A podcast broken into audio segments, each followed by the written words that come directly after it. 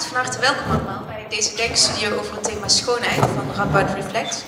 Uh, ik ben Maite Jonahi, ik ben de gespreksleider vanavond en ik spreek vanavond met filosoof van de geschiedenis Kees Leijhorst en sociaal-politiek filosoof Jeroen Linzen, beide van de Radboud Universiteit. Ik weet niet in hoeverre jullie de denkstudio kennen, dus ik ga er gewoon even van uit dat het, uh, dat het onbekend is en ik leg het dan even uit. Um, het is een uh, concept van een soort van improvisatiefilosofie waar uh, filosofen met het publiek in, gesprek gaan over stellingen die door het publiek in zijn gebracht. Dus hoewel ze voorbereid zijn op het grote thema schoonheid, weten we nog niet precies waar deze avond naartoe gaat. En dat is ook vooral aan u als publiek. Uh, Jeroen die zal het gesprek zo meteen een kleine aftrap geven met een korte lezing van 10 minuten, waarin hij het thema schoonheid heel kort toelicht en een aantal thema's binnen het thema belicht. Um, dan krijgt u als publiek de gelegenheid om stellingen te poneren, die schrijf ik ook gewoon op hier. En dan hebben we meteen al een korte pauze van 10 minuten, waarin de sprekers gaan kiezen welke stellingen we gaan bespreken. En uh, daarna gaan, we, gaan zij met jullie als zaal in gesprek en gaan we proberen die stelling verder uit te diepen. In ieder geval, dus jullie inbreng is cruciaal. Dus voel je vrij om uh, te roepen en mee te spreken. En alle inbreng is welkom. Nou, laten we beginnen. Jeroen, aan jou het woord. Dankjewel, Maite. Het vakgebied waar Kees Leijenhorst en ik werkzaam zijn, dat zit een beetje in een crisis. Zoals u weet wordt dat vakgebied al sinds de klassieke oudheid gedomineerd door drie grote vragen. Wat is het ware? Wat is het goede? En wat is het schone? Maar zoals ik zei, het vakgebied zit een beetje in een crisis, want er waren tijden dat daar nog antwoorden op gegeven werden op die drie vragen, waar in ieder geval de pretentie bestond dat je daar antwoorden op kon geven die een iets langer leven beschoren waren dan bij wijze van spreken enkele dagen, enkele weken. Sterker nog, men ging ervan uit dat er universele, misschien zelfs wel objectieve antwoorden mogelijk waren. Dus als het ging om de vraag naar het ware, dan deden heel veel filosofen pogingen om dat wat waar is en dat wat niet waar is van elkaar te onderscheiden. En zo ging het ook met de ethische kwestie van wat het goede is of het goede leven. Maar vandaag hebben wij het over het schone. En ik meen te kunnen zeggen dat het schone eigenlijk eenzelfde leven beschoren is. Namelijk, daar is het ook niet zo goed mee gegaan. Er was een tijd, bijvoorbeeld bij Plato, waar het schone eh, op een, een poging in ieder geval werd gedaan bij Plato om het schone toch enige objectiviteit mee te geven. Om u een voorbeeld te geven, Plato ging ervan uit dat een gezongen lied met een walgelijke, slechte inhoud nooit mooi gevonden kon worden. Hoe mooi het ook gezongen werd, als het een walgelijke, moreel verderfelijke inhoud had, ja, dan moesten we het lied als mooi afwijzen. Uh, een ander voorbeeld uit de middeleeuwen, Thomas van Aquino, die zegt: Je kunt van een sculptuur eigenlijk glashelder zeggen of die mooi is of niet. Die sculptuur moet in ieder geval aan de volheid, aan de heelheid voldoen. Die sculptuur, sculptuur moet proportioneel in orde zijn. Het kan niet zo zijn dat een sculptuur mooi gevonden wordt waar het hoofd uh, de helft ongeveer van het lichaam beslaat. Nee, dat moet ongeveer een zevende zijn, zoals u weet. En vervolgens had Thomas nog een extra criterium waaraan voldaan moest worden. Dat was de claritas. De juiste kleur bij het juiste onderdeel. En zo kon een gelaat heel mooi uh, gemaakt worden doordat daar de juiste kleur werd aangebracht. Het is eigenlijk, zo ben ik geneigd te zeggen, en ik heb maar heel weinig spreektijd, uh, is mij geneigd, ben ik geneigd te zeggen, uh, het is eigenlijk fout gegaan bij, bij, bij, misschien bij Immanuel Kant, maar dan toch vooral bij Friedrich Nietzsche. Daar zul je het toch mee eens zijn, Kees. Daar gaat heel veel fout in de filosofie.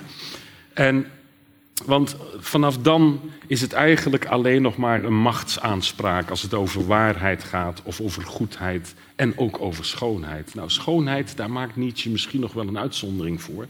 Maar als we vandaag de dag, en uh, als we vandaag de dag aan mensen vragen, uh, wat is mooi en zouden we criteria kunnen opstellen volgens de welke we dat zouden kunnen vaststellen, dan zullen de meeste mensen zeggen nee met betrekking tot schoonheid valt eigenlijk geen objectief oordeel meer te vellen.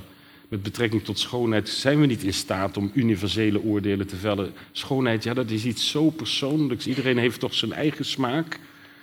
En zoals ik u al zei, mijn vak is in een crisis. Want als dat werkelijk zo zou zijn, en zeker dan met betrekking tot deze drie vragen, dan konden we vanavond wel opstappen. Want dan had het eigenlijk weinig zin om er verder over door te praten. Want als iedereen toch gewoon zijn eigen mening heeft, laten we het dan in het café hierboven doen.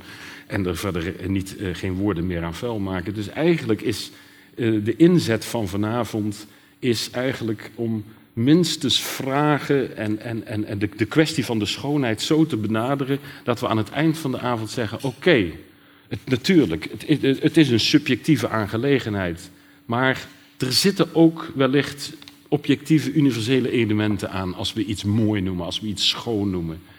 Uh, de redenen kunnen vele zijn, maar onze avond, zo zullen we, zouden we zeggen, die is geslaagd op het moment dat we aan het eind durven zeggen: oké, het is toch niet zo eenvoudig als dat we dachten. Er zitten wellicht ook in die vraag naar wat mooi is en lelijk, wat schoon is, daar zitten wellicht elementen in die ons langer doen nadenken en die, die ons tot vragen uitnodigen. En die, die dus niet alleen, uh, waarbij we niet alleen kunnen verzuchten, iedereen heeft daarover zo alleen maar zijn eigen mening. Nee, ik, ga, ik, ik, wilde eigenlijk nog, ja, misschien toch nog, om, om, een paar voorbeelden te geven. Je zou namelijk je kunnen afvragen wat schoonheid is en aan, aan, welke criteria het moet voldoen, wanneer we het daarover hebben of wat dan ook. Maar je kunt ook denken aan, aan, aan vragen in termen van wat is eigenlijk de verhouding tussen het schone en het moreel goede. Zoals ik net al zei, Plato maakt die, die, die, die, die, die, verbindt die twee heel sterk aan elkaar. Uh, iets wat volstrekt onwaar is, kan dat toch wel mooi zijn. Zo zou je het ware en het schone met elkaar kunnen verbinden. Maar je zou ook nog eh, kunnen denken aan: kun je iets mooi vinden waar je totaal niets van af weet? Stel, je ziet een film je komt buiten en je zegt tegen degene met wie je naar de film geweest bent: Wat een fantastisch mooie film. En diegene zegt: Goh, maar volgens mij weet jij helemaal niets van de regisseur. Laat staan van de spelers die erin speelden. Heb jij überhaupt wel eens het boek gelezen waar deze film op gebaseerd is? Nee, zeg jij. Is dat nodig dan?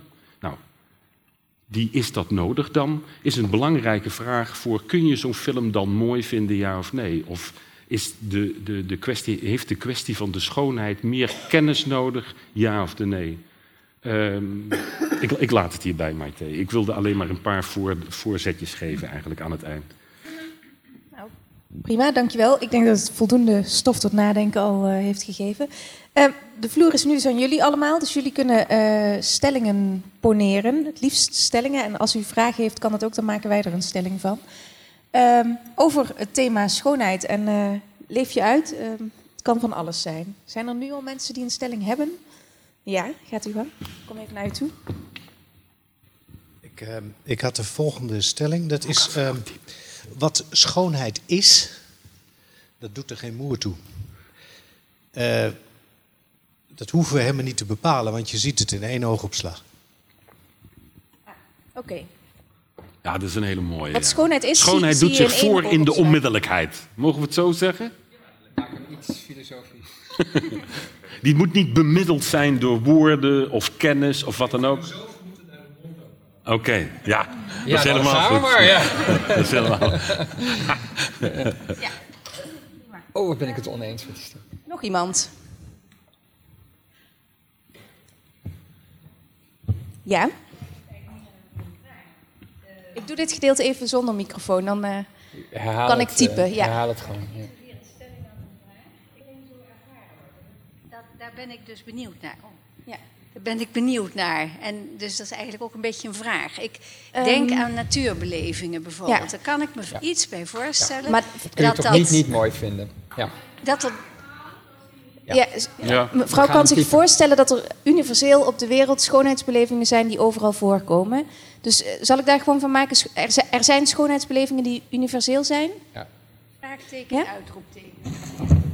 Maak er een stelling van. En dan met name natuur. Uh... Ja, ik had het natuurlijk over, nogal over de schoonheid van de kunst gehad, maar we kunnen het hier even goed hebben over de schoonheid van een natuurverschijnsel. Dus, uh, of over een Ja, wie kan die maansverduistering niet mooi vinden, bijvoorbeeld, zou je kunnen zeggen. Maar daar maken we er een stelling van. Ja. Nog meer mensen. Schoonheid is cultureel bepaald. Dat klinkt akelig naar relativisme, collega. We leven toch in een wereldcultuur tegenwoordig? Ah, oké. Nog meer stellingen? Ja, ja natuurlijk. Er komt de microfoon eh, naar je toe. Ja. Um, ik zou willen zeggen um, dat schoonheid iets is uh, wat lijkt op lekker. En wat is lekker? Lekker is uh, wat gezond is, wat goed voor je is. Dat is in principe lekker. Oh, heb... Zoiets is schoonheid ook. Niet. nou ja, misschien niet. ja, laat het je smaken. Volgens mij is dat, ik, ik weet niet zeker. Kijk, wij, wij, eten veel te veel suiker en zo. Maar dat komt natuurlijk wel omdat suiker oorspronkelijk in ons uh, dieet uh, vroeger, toen we nog natuurmensen waren, een belangrijke voedingsstof was. En daarom vinden we dat nog steeds lekker. Volgens mij heeft, is, is schoonheid hetzelfde. We hebben daar, uh, dat is goed voor ons. Daar worden we beter van. Ja. Dat is goed voor ons overleven. Ik, hoor, ik zou daar eigenlijk twee stellingen van willen maken. Dus het ene is dat het, het schone en het aangename zijn eigenlijk hetzelfde. Schoon is hetzelfde als wat lekker is of wat aangenaam is. Dat is één. En de andere zou ik zeggen, is de connectie tussen wat schoon is, wat mooi is en wat goed voor ons is. Dat vind ik eigenlijk een tweede component. mogen we hem uit elkaar halen? Nou, ik vind juist dus de verbinding tussen die twee heel interessant. Dan maken we er een van. Nee, want hier, bij, ik, ik snapte denk ik wat mijn collega wilde doen. Namelijk, er zat ook iets in van het is goed in de evolutie. Of bedoelde je dat niet, dat laatste? Nou, die verbinding heb ik wel in mijn hoofd of zo. Maar Ik, ik heb die, nou, daar heb ik niet uh, helemaal over nagedacht. Nee. Maar het, ja, het is, uh, volgens mij is dat, dat, zo is wat ik, zoals ik het ook zelf ervaar. Uh, schoonheid is, een, is iets wat, uh, wat goed voor mij is, wat ik nodig heb voor mhm. mijn voortbestaan. Mhm. En uh, hoe dat nou precies met de evolutie zit, dat weet ik niet. Daar weten jullie vast veel meer over te zeggen. nee. maar ik, het, gaat mij niet, het gaat mij niet om de evolutie, maar om mijn eigen ervaring. Dat mhm. schoonheid iets is wat ik echt nodig heb ja. om, om, om gelukkig te zijn of zoiets. Ja. Ik, ik, weet niet, ja, ik weet niet hoe je dat moet benoemen. Nee, maar het is helder. Ik, ik voeg het gewoon allemaal voeg het allemaal bij elkaar tot één stelling en dan uh, weten we nog wel waar het over ging. Ja. ja. Zijn er? Ja, ja. gang.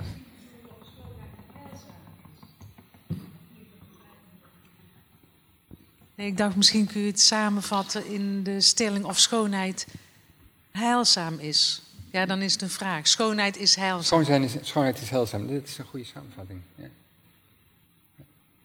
ja. Meneer kan zich, erin vinden. Ja. Nou, dit wordt gewoon een hele associatieve stelling en dan, dan, dan zien we zo wel, uh, wel wat, wat, we er uh, mee doen. Uh, dat was, ja. schoonheid is niet intrinsiek, maar zit puur in de geest van de waarnemer. Ja, dus juist wel subjectief. Ja. ja.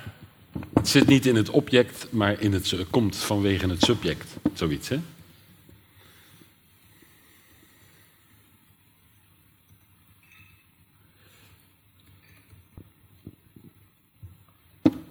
Ja?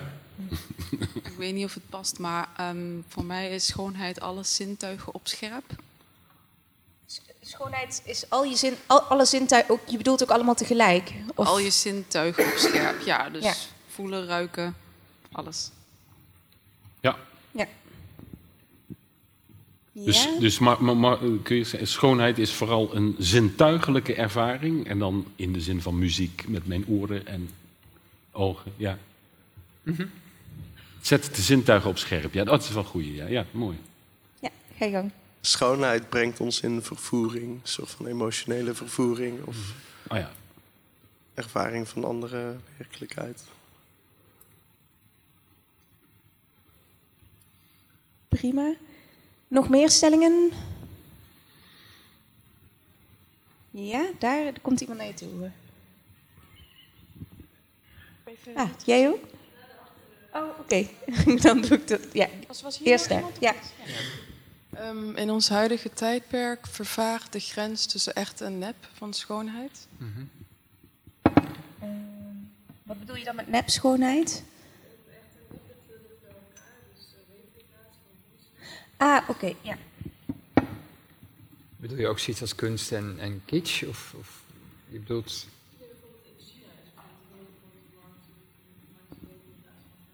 Mhm. Ja, ja, ja. Dus echt, echt de... de, de ja.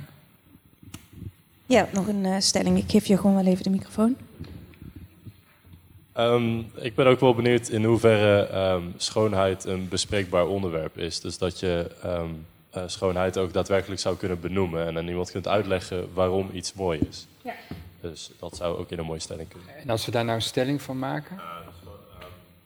Uh, ja, het, het, mooie is, is, is bespreekbaar. Mm -hmm. Wat is jouw eerste intuïtie dat het wel of niet bespreekbaar is? Ik zou zeggen van wel. Ja. Okay. Mm -hmm. O, uh, bespreekbaar, overdraagbaar. Ja, dat, dat, dat bedoel je? Dat je, het, je, kunt, ja. je kunt aan iemand anders uitleggen. goed uitleggen waarom ja. jij iets mooi vindt. En je moet het dan ook kunnen snappen in principe, zeg maar. Ja. We doen er nog twee, zie ik er. En dan... Uh... Oh, drie. Drie. Uh, schoonheid is originaliteit.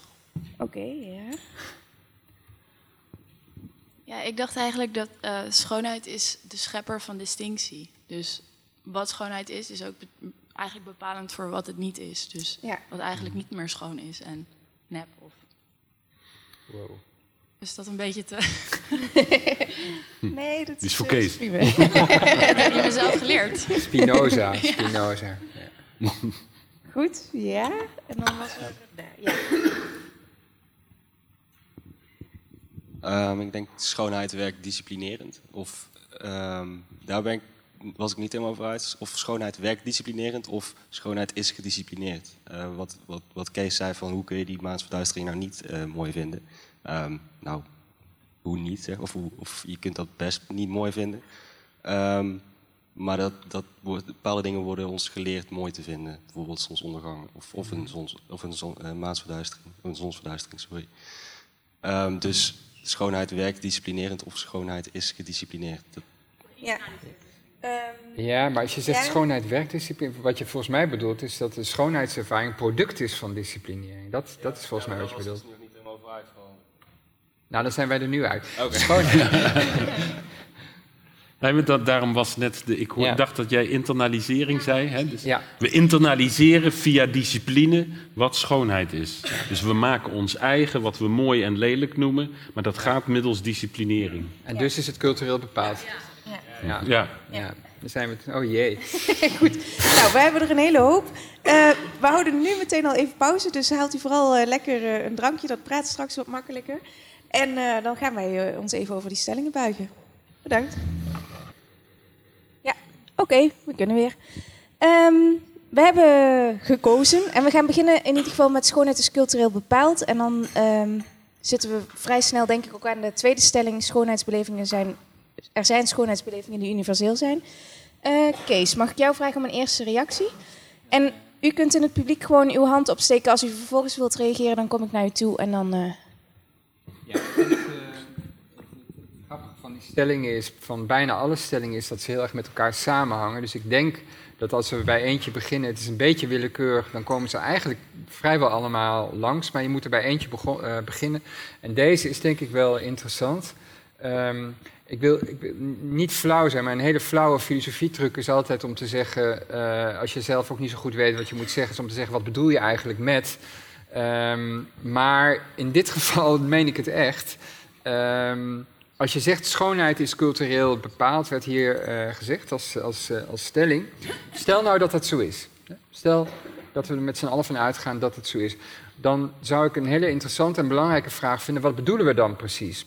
Bedoelen we dan bijvoorbeeld dat, uh, om ons toch dan even tot kunstschoonheid te beperken, nu heel even, dat gaan we uitbreiden, die natuur komt nog, nog, komt nog langs. Um, Betekent dat dat je dan bij de maker moet gaan checken uit welke cultuur kom jij eigenlijk? Um, is dat dan belangrijk? Dus reduceer je dan schoonheid tot uh, culturele, de culturele uh, context? zou een eerste vraag kunnen zijn. Wat bedoelen we precies als we zeggen schoonheid is cultuur bepaald? Um, een andere mogelijkheid om, om iets ernaast te zetten is. Um, uh, ik vermoed dat je met culturen kunt bedoelen, bijvoorbeeld. Um, ja, Europese cultuur, als er zoiets bestaat. Uh, heb je het over Duits en Frans en Nederlands? Of heb je het over Europees en niet-Europees, Afrikaans, uh, Indonesisch? Wat bedoel je precies met cultureel bepaald? Als dat zo is, hoe is het dan mogelijk dat wij, zeker sinds het begin van, van de 20e eeuw, um, bij musea volzetten met um, uh, Afrikaanse beelden, uh, uh, Indiaanse in, Indonesische wajangpoppen, et cetera. Blijkbaar is het mogelijk om schoonheid across cultures te ervaren. Dus die culturele bepaaldheid, die bepaaldheid hoe ver gaat hij dan eigenlijk? Zo bepaald lijkt hij dan ook weer niet. Dus wat bedoelen we met cultureel bepaald? Wat bedoelen we met cultureel hier? En wat bedoelen we met die bepaaldheid? Hoe ver gaat die bepaaldheid? Dat lijken mij dan de vragen waar we, denk ik, mee moeten um, beginnen. Uh, en dan komen we waarschijnlijk in het antwoord daarop komen we wel met al die andere uh, stellingen. Want ik denk ook dat we al heel snel op de tweede komen. Want als je zegt schoonheid is cultureel bepaald, dan zou een invulling, een antwoord op mijn vraag, wat bedoel je met cultureel bepaald, kunnen zijn, het is dus niet universeel. Dus als je uit een andere cultuur komt, kun je een uiting van een. Als, als je uit een bepaalde cultuur komt, kun je de, bijvoorbeeld de schoonheidsbeleving of een kunstuiting van een andere cultuur, kun je in zekere zin niet begrijpen, zou ik zeggen. Dat zou dan de, het, de, de stelling op scherp stellen. Um, nou, zo. En nu jullie. Goed. Zijn er reacties uit de zaal? Misschien eerst. Uh... Hoeft niet hoor. Eén momentje. Musea die uh, inderdaad kunst van andere culturen hierheen brengt, hè, bijvoorbeeld de Afrikaanse cuisine. Dat, dat kunnen musea ook doen, puur om ons kennis te laten nemen. Dat wil nog niet zeggen dat ik daarvan geniet.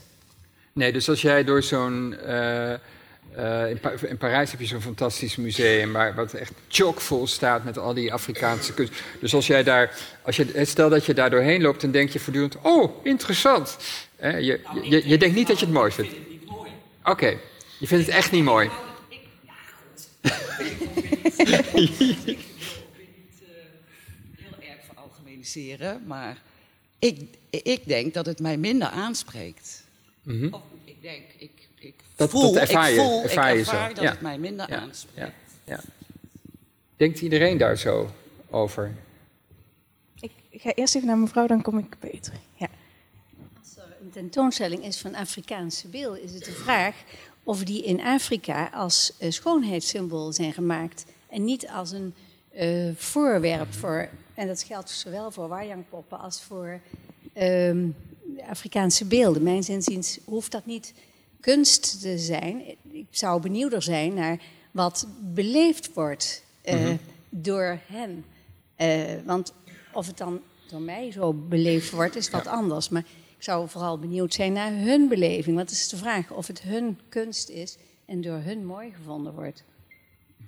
Dan, dan, is misschien ook de, de, de achterliggende interessante vraag: maakt het wat uit hoe een voorwerp bedoeld is? Ja.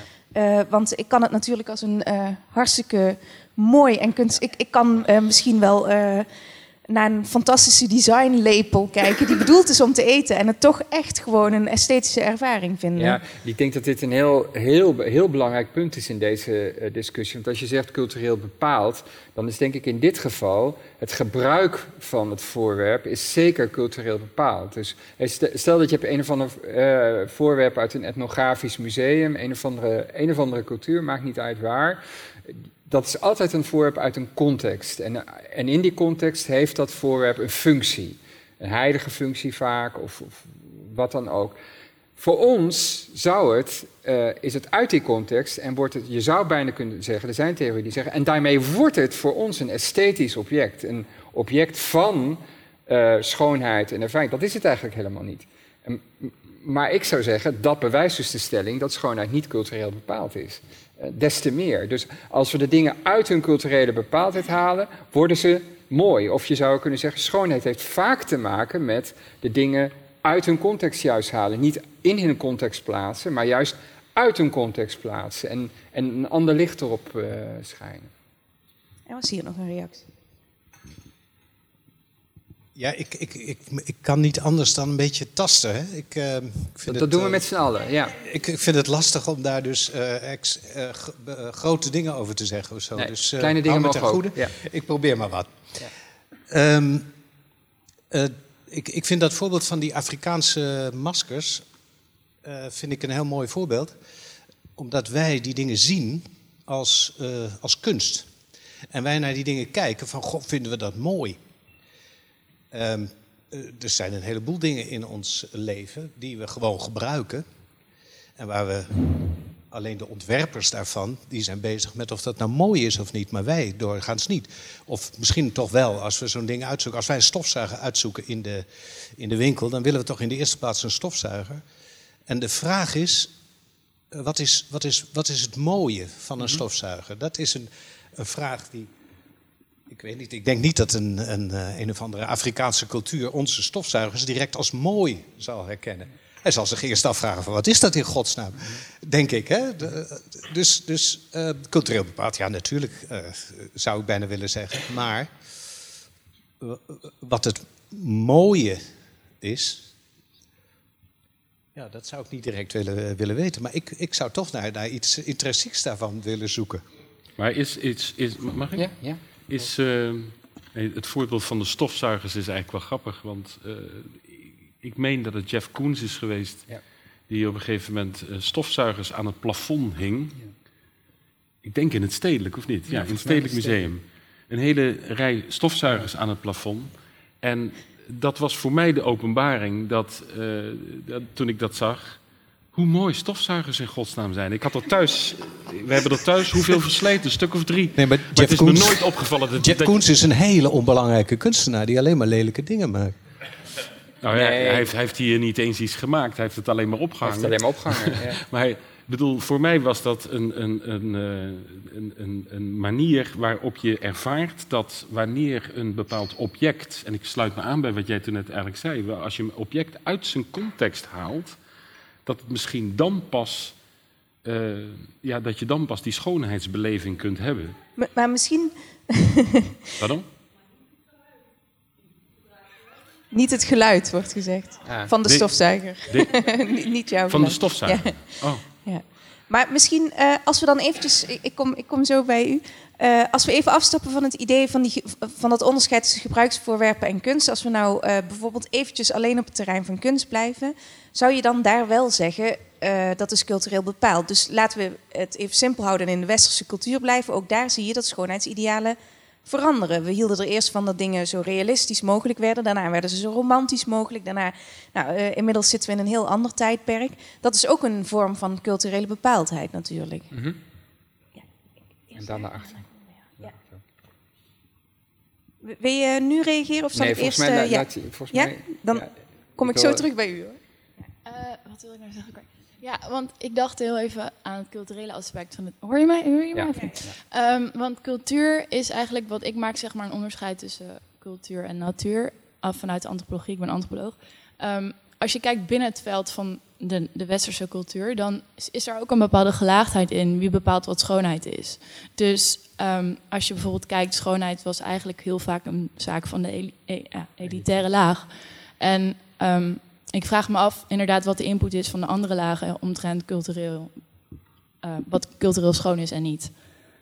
Um, ja, dus in hoeverre, het hoeft niet per se te zijn tussen culturen, maar ook binnen de cultuur, binnen de Nederlandse cultuur, of kan daar ook al een bepaalde gelaagdheid in zitten? Ja, ja. ja ik denk, ik denk um, ja, ja, we mogen van Martijn niet, niet skippen naar, naar, naar volgende stellingen. Maar maar misschien dan toch, uh, want als je het gaat hebben over, dan moeten we toch die, die stelling over die disciplinering uh, erbij houden. Culturen in het algemeen zijn ook, zou je kunnen zeggen, systemen van disciplinering. Het zijn systemen waarin ons geleerd wordt van jongs af aan bepaalde dingen te vinden, ons op een bepaalde manier te gedragen, uh, et cetera.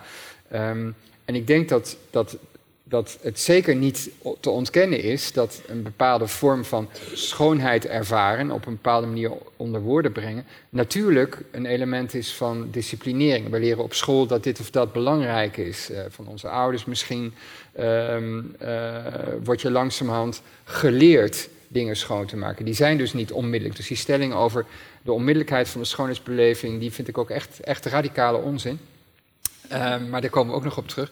Um, Um, dus dat is allemaal niet te ontkennen. Het is niet te ontkennen dat die systemen er zijn. Het is niet te ontkennen dat die systemen ook verschillend zijn. Zoals Marté zegt, dat die verschillend ook door de tijd zijn. Dat, om zo te zeggen, onze eigen cultuur, al, weet ik ook niet precies wat dat is, heeft zelf daar transformaties doorgemaakt. Maar ik denk, dat daar gelaten, kunnen we toch denk ik de vraag stellen, oké, dan, dan is er de cultuur, er is zo'n systeem van disciplinering, maar is er ondanks die, die bepaling, ondanks die disciplinering, toch niet iets wat daar als het ware aan ontsnapt. Wat toch op de een of andere manier dieper ligt, wat nou, voor mijn part in de onmiddellijke ervaring uh, ligt en wat niet per se cultureel gebonden is. Dat is denk ik waar we op dit moment even naar zoeken. En dan is het bijvoorbeeld geen argument om te zeggen, ja, het is allemaal een kwestie van opvoeding en discipline. Dat weten we. Hè? Dat, dat, dat is bekend. Maar ik denk dat we dan kijken naar iets wat daaronder ligt of zo. Of wat daarnaast zegt. Ik weet niet precies wat het beeld is, maar ik denk dat we daar nu zitten. Zou je niet moeten zeggen, om, om, om schoonheid te beleven, daarvoor moet je iets doen? Dat, in die zin heb ik wat moeite met, doet zich voor in de onmiddellijkheid. Natuurlijk, op een bepaalde manier word je ineens een zonsondergang gewaar, plotseling. En dan denk je, oh, wat is dat mooi. Maar als het om kunstschoonheid gaat, dan moet je daar iets voor doen. Je moet uit je comfortzone, zoals we dat tegenwoordig verschrikkelijk... ik zal het niet meer doen. Zeg het niet, nee. Uh, uit je comfortzone stappen. En je moet naar het museum op zondagmiddag. Hoor mij dat zeggen. Uh, je, je, je moet uiteindelijk dat boek open doen. En die eerste twintig pagina's van die roman die zijn niet door te komen. Maar uiteindelijk dan treed je binnen in een wereld van, die je niet had kunnen vermoeden dat die bestaat. Uh, je gaat naar een muziekuitvoering. Ik neem aan Natuurlijk, je kunt ook thuis de cd opzetten. Maar nogmaals, je moet er iets voor doen om... En precies dat is voordelig, zou ik zeggen. Want dat brengt dat je een stap maakt... waar je een stukje afstand neemt, zou ik bijna zeggen... maar een stap maakt waarbij je niet helemaal product van je disciplinering bent... of cultureel bepaald... Dat is namelijk een stap die, die, die, die, die, die, die, die je daar toch enigszins los van maakt. Ik geloof niet dat wanneer je met iemand in een museum staat en je kijkt naar een schilderij, maakt me niet uit, dat zo iemand dan niet gewoon. Uh, natuurlijk, hij neemt zijn context mee, hij neemt zijn opvoeding mee, dat zal allemaal waar zijn, maar op dat moment beleef je iets. En dan kan iemand, en ik denk dat we dat ook serieus moeten nemen, daar, daar, daar gebeurt iets. Als je naar een concert gaat van een, van een maakt ook, ook even, ik ga geen voorbeelden noemen, want dan krijg je gelijk die discussie. Maar dan, dan, dan beleef je wat. Ik, ik, neem, ik vind toch dat we dat serieus moeten nemen. En ik, ik denk dat het heel belangrijk is dat we die stap moeten zetten om even die culturele bepaaldheid, die we natuurlijk allemaal hebben. Ik bedoel, je ziet, ik vind het grappigste, zie je dat eigenlijk aan, gewoon aan design. Hoe snel design verandert en hoe snel je je daarin laat meeslepen in wat je mooi vindt op dat terrein dat mobieltje waar we 10, 20, 15 jaar geleden mee rondliepen, nou, daar durf ik de straat niet meer mee op. Nou, ik wel, maar mijn dochter niet, bij wijze van spreken. want die schaamt zich daarvoor. Dus dan zie je hoe snel die dingen gaan. Maar dat is allemaal de onmiddellijkheid. Maar juist omdat we volgens mij een, een, een, een, stap zetten. We gaan naar het museum, dat kost even tijd, dat is niet gemakkelijk. En dan maak je je even los van dat, en dan, dan stel je je volgens mij meer open voor datgene wat je ziet, dan wanneer het juist in de onmiddellijkheid zich voordoet. Er was hier nog een reactie. Ja, ik denk wel uh, dat je gelijk hebt dat, uh, dat je misschien voor een schoonheidservaring uh, dat, er een, dat je ontvankelijk moet zijn. Mm -hmm. Maar tegelijkertijd denk ik ook dat um, um, als een kunstwerk in een museum gepresenteerd wordt, dus zeg maar Maria met kind, die beleef je per definitie in een museum anders dan dat het in een, uh, in een donker kapelletje hangt. Mhm. maar, maar, ik wil eigenlijk zeggen, je zou ook het verschil moeten maken tussen een schoonheidservaring, uh, een schoonheid begrijpen of beleven. Ik mhm. denk dat je schoonheid kunt beleven zonder een, er een s'nachts van te begrijpen. Dus ik kan dingen uit andere culturen heel erg mooi vinden, zonder dat ik er ook maar iets van begrijp. En, ik, en ik, uit ervaring denk ik dat uh, begrip en achtergronden bij kunnen dragen aan verdieping van die schoonheidservaring. Maar uh, ik kan onder de indruk raken van het prachtige blauw van de mantel van Maria, zonder dat ik ooit iets, zonder dat ik weet wat voor figuur het is. Of de tederheid waarmee ze het kindje vasthoudt. Of, of, mm nou ja, dus ik denk dat het misschien iets kan verduidelijken, ook als je het verschil maakt tussen een. Uh, uh, het begrijpen van schoonheid en het beleven van schoonheid, de ervaring. Maar, maar want dat is eigenlijk alweer een nieuwe stelling, maar toegepast nu op waar we zitten over die culturele bepaaldheid, bedoel je, uh, hè, dus als we hem daarna proberen terug te leiden wat je zegt, dan bedoel je te zeggen van, je, de, de, christelijke cultuur is zeker in dit land al heel snel zeg maar een andere cultuur aan het worden. Hè? Dus uh, over tien jaar heeft niemand keine ahnung meer wie die, wie die Maria nou is, zeg maar. En, en, en dan nog, zeg jij, kunnen wij al die Madonna's uit de Renaissance en zo, die kunnen we heel erg mooi vinden. En ik heb geen idee wie die mevrouw is. Ik weet ook niet wie dat kind is, of het haar eigen kind is. Of, hè? En, en, um, en, en dat toegepast op deze stelling betekent, ook al kennen we de culturele context, of welke context dan ook, kennen we die context niet van een schilderij of wat dan ook, dan nog kunnen we mooi vinden. Met andere woorden, die culturele context is niet in ieder geval niet 100% is niet volledig bepalend. Dat is eigenlijk wat je zegt. Ja, zou ik het... Maar het is wel belangrijk om te realiseren dat de plek waar het gepresenteerd wordt, ja. van invloed is op die beleving. Ja. Ja. Museum ja.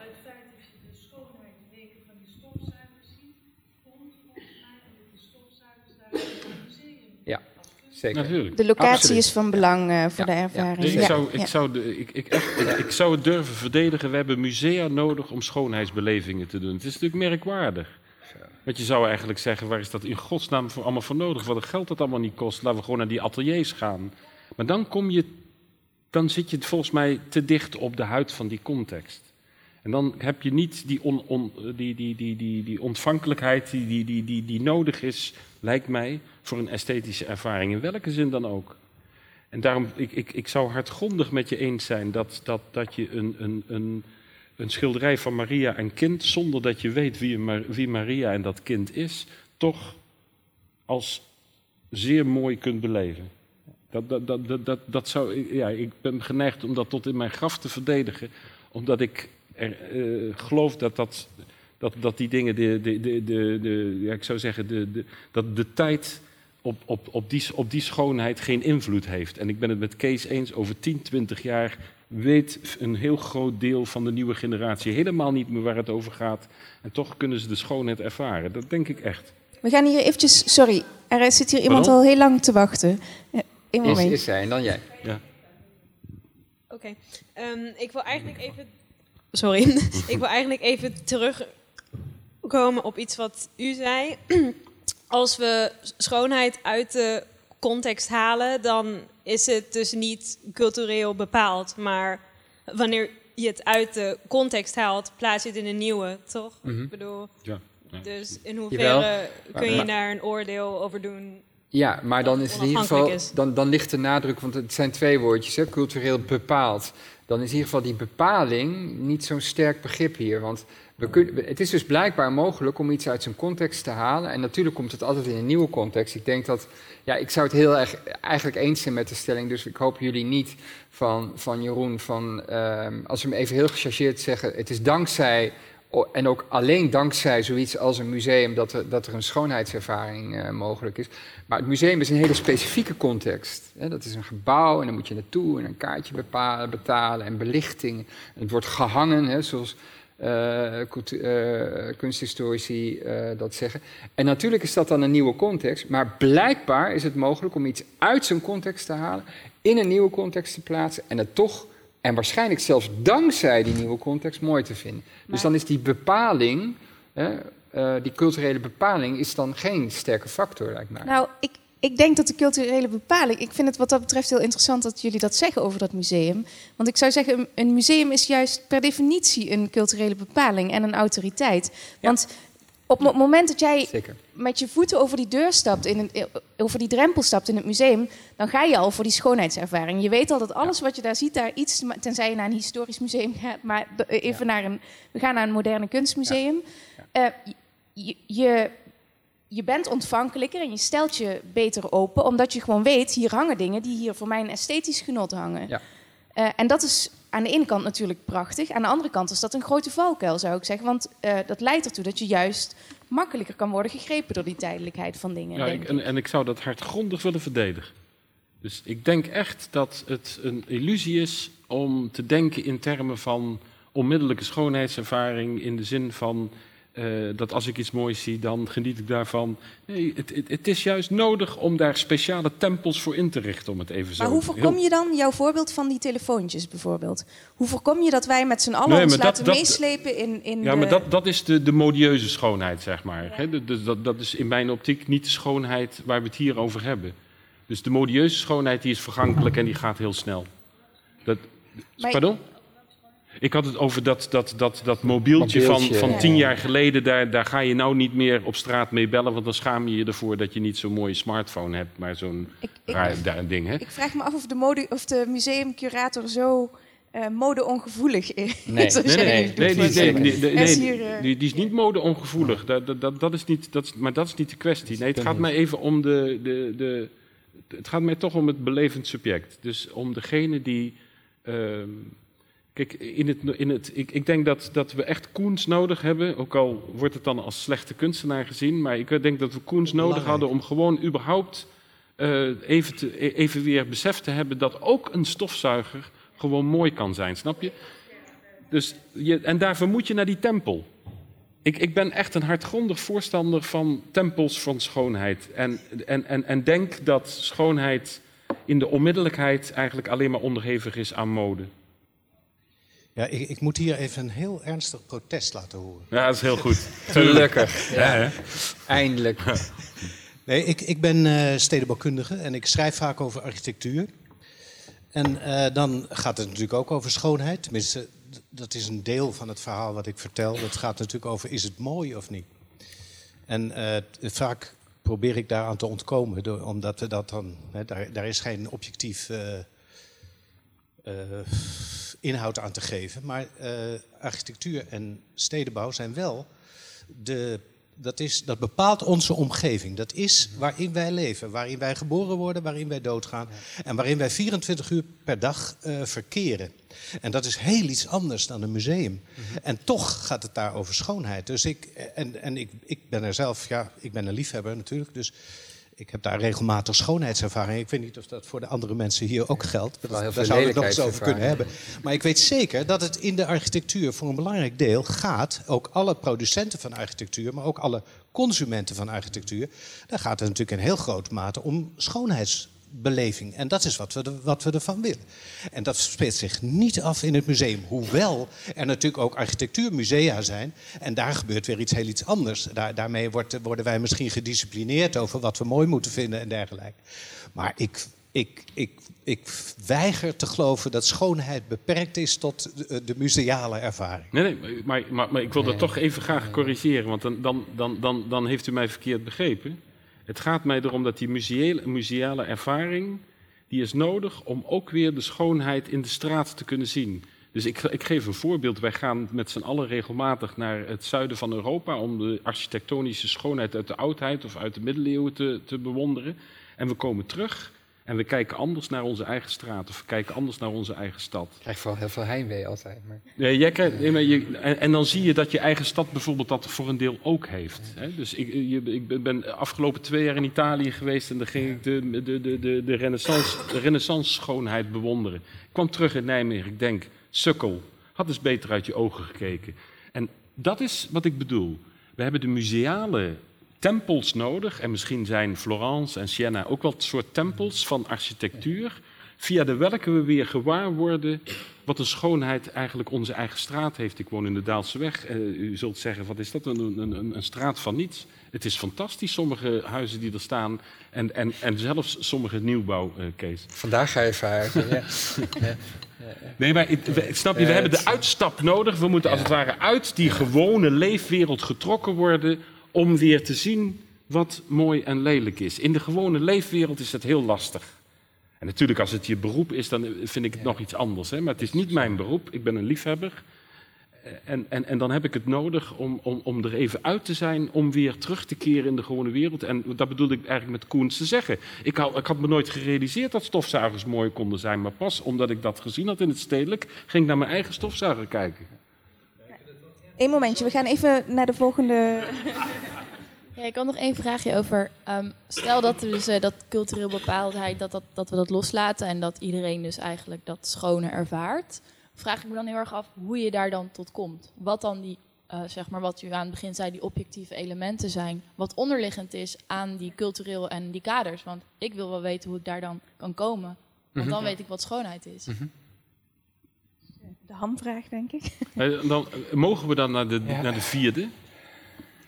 Van, van mij eh, mag je, ja. ja. Ja, dat komen hier niet aan. Ja. Kijk, ehm, en, en dan moeten we toch terug naar Immanuel Kant. En eh, het gaat hier om schoonheid, lijkt op het lekker en het aangename. Wat Kant precies doet in zijn filosofie, dat is eigenlijk in zijn esthetica, het is eigenlijk grandioos. En ik kan het hier maar heel kort aanstippen. Maar hij maakt een onderscheid tussen het schone en het aangename. Hij legt het schone eigenlijk tussen het goede en het, tussen het aangename en het goede, maar het goede laat ik even achterwege. Tussen het schone en het lekkere, zeg maar. En dan zegt hij, het lekkere, dat is iets waar je een belang bij hebt. Dat wil je hebben. Het lekkere, dat is iets eh, wat echt puur subjectief is. In de zin van, eh, ik vind zuurkool lekker, vind ik echt lekker. En mijn vader haat het. Dus dat was vroeger in mijn gezin was dat altijd een probleem. Want ik wilde heel graag zuurkool eten en mijn vader niet. Maar uiteindelijk ligt, ligt het op het punt van als je daar, daar ga je met elkaar verder niet over debat. Je accepteert eigenlijk dat de een het een lekker vindt en de ander het ander lekker. En dan zegt Schans, met schoonheid ligt het iets anders. Met schoonheid, je claimt, nee, met schoonheid is het eigenlijk, je claimt objectiviteit, terwijl je kunt het niet hard maken. Dus als het gaat om de vraag, kun je, dat stond ook ergens, hè, kun je schoonheid, kun je het uitleggen aan iemand anders? Dan zal Kant toegeven, ik kan jou nooit overtuigen van het feit dat de monochroon blauwe van Yves Klein, dat dat het mooiste is wat deze wereld ooit voor elkaar gebracht heeft. Daar kan ik jou niet van overtuigen. Maar ik claim in die zinsnede, wat is dat mooi? Algemeen geldigheid. Dat is wat Kant zegt.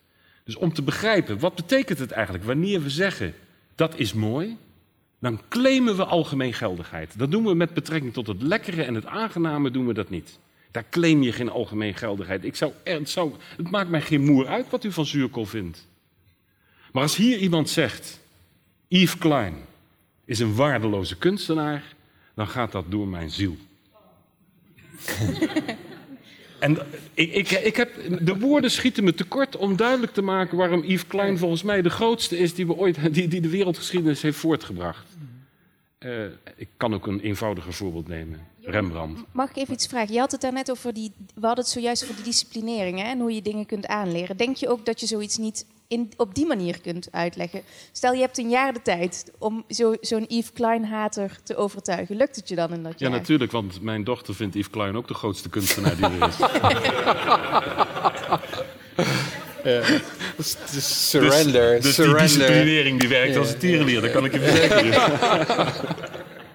Maar nee, maar even serieus. Je Nee, denkt niet dat dat je het kunt uitleggen. Het is waar hoor, vraag aan mevrouw. Dat je het kunt. Maar is het niet uit te leggen? Is het niet in, want kijk, ik Nee, bedoel, niet- we doen niet- meer dan alleen maar universaliteit claimen en vervolgens zeggen: ja, ik kan het je niet uitleggen. We doen meer dan dat. Ja. Nee, maar je kunt het niet uitleggen in de zin van, dan zou ik toch eigenlijk dat, tweede, dat derde eh, ar- eh, item erbij moeten halen van het goede. Het Kant zegt van wat een goede fiets is, of een goed mes, dat kun- daar kunnen we elkaar wel over overtuigen. En dan hebben we ook gewoon criteria op basis waarvan we kunnen. Hè, dan is het criterium: het mes moet goed snijden, het moet scherp zijn, het moet lekker in de hand liggen en ga zo maar door. En dan bent u het waarschijnlijk met me eens, ja, dan hebben we te maken met een goed mes. Wel nu, dat soort redeneringen kun je met betrekking tot het mooie, het schone niet houden, zegt Kant. En toch is het niet hetzelfde als het lekkere, het aangename. Nee, je claimt die objectiviteit, alleen je hebt niet de argumenten, je hebt niet de. de, de, de, de Ja. eh, hoe noemt hij dat? Je hebt niet het begrip, je kunt het niet op begrip brengen, zoals hij dat Mhm. al voor Hegel ook zo noemt, in dit geval in de oertuigskracht. Eh, je kunt het niet begrippelijk maken. Jij. Op het Jij? moment dat jij dat zegt, dus op het moment dat ik zeg, ik sta voor een schilderij, ik zeg, wat is dat mooi? Of ik kom uit de film en ik zeg, wat was dat een prachtige film? Dan claim ik universaliteit. Dat zit in, als het ware zegt Kant, ingebakken in wat, wat, wat, wat volgens hem een esthetische ervaring is. Alleen het gekke is dat je niet meer, zoals die middeleeuwen en Plato, zoals ik daarmee begon vanavond, je kunt niet meer terugvallen op objectieve criteria aan de hand waarvan je dat kunt duidelijk maken. Zoals meneer net ook zei, van, hè, er is niet meer objectief vaststelbaar wat architectonisch een mooi gebouw is en wat een lelijk gebouw is. Kant zal het ermee eens zijn, maar je claimt het wel op het moment dat je zegt, die Stevenstoren hier in Nijmegen is eigenlijk gewoon hartstikke mooi. Dan claim je daarmee universaliteit. En ik, ik, ik vind dat een, een, een. Dan kun je zeggen van ja, wat levert ons dat op? Maar het levert ons volgens mij op dat we erkennen dat het schone. Ja, ik zou bijna zeggen in het verlengde van het universele ligt. Niet, niet, het is niet, de, de, de- we kunnen niet zeggen dat, eh, dat, dat, dat, dat wat mooi is, dat dat universeel mooi is. Maar de claim is aanwezig bij degene die het zegt. Daarmee hebben we nog helemaal niet bepaald wat mooi en wat lelijk is. Hè? Want ik dat kom- is dan, Ja. het is een Het is een subjectieve, subjectieve claim. claim over iets wat we. Waarom aanzet tot zwijgen? Ja.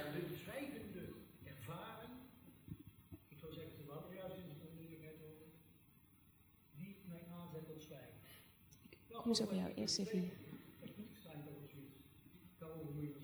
Ja, maar ik moet zeggen dat, dat ik daar heel erg niet mee eens ben. Ik, ik, ik weet, je, je, kent, je kent vast wel die ervaring van je gaat met een, eh, een, een geliefd iemand of een, of een goede vriend of zo, ga je naar de film.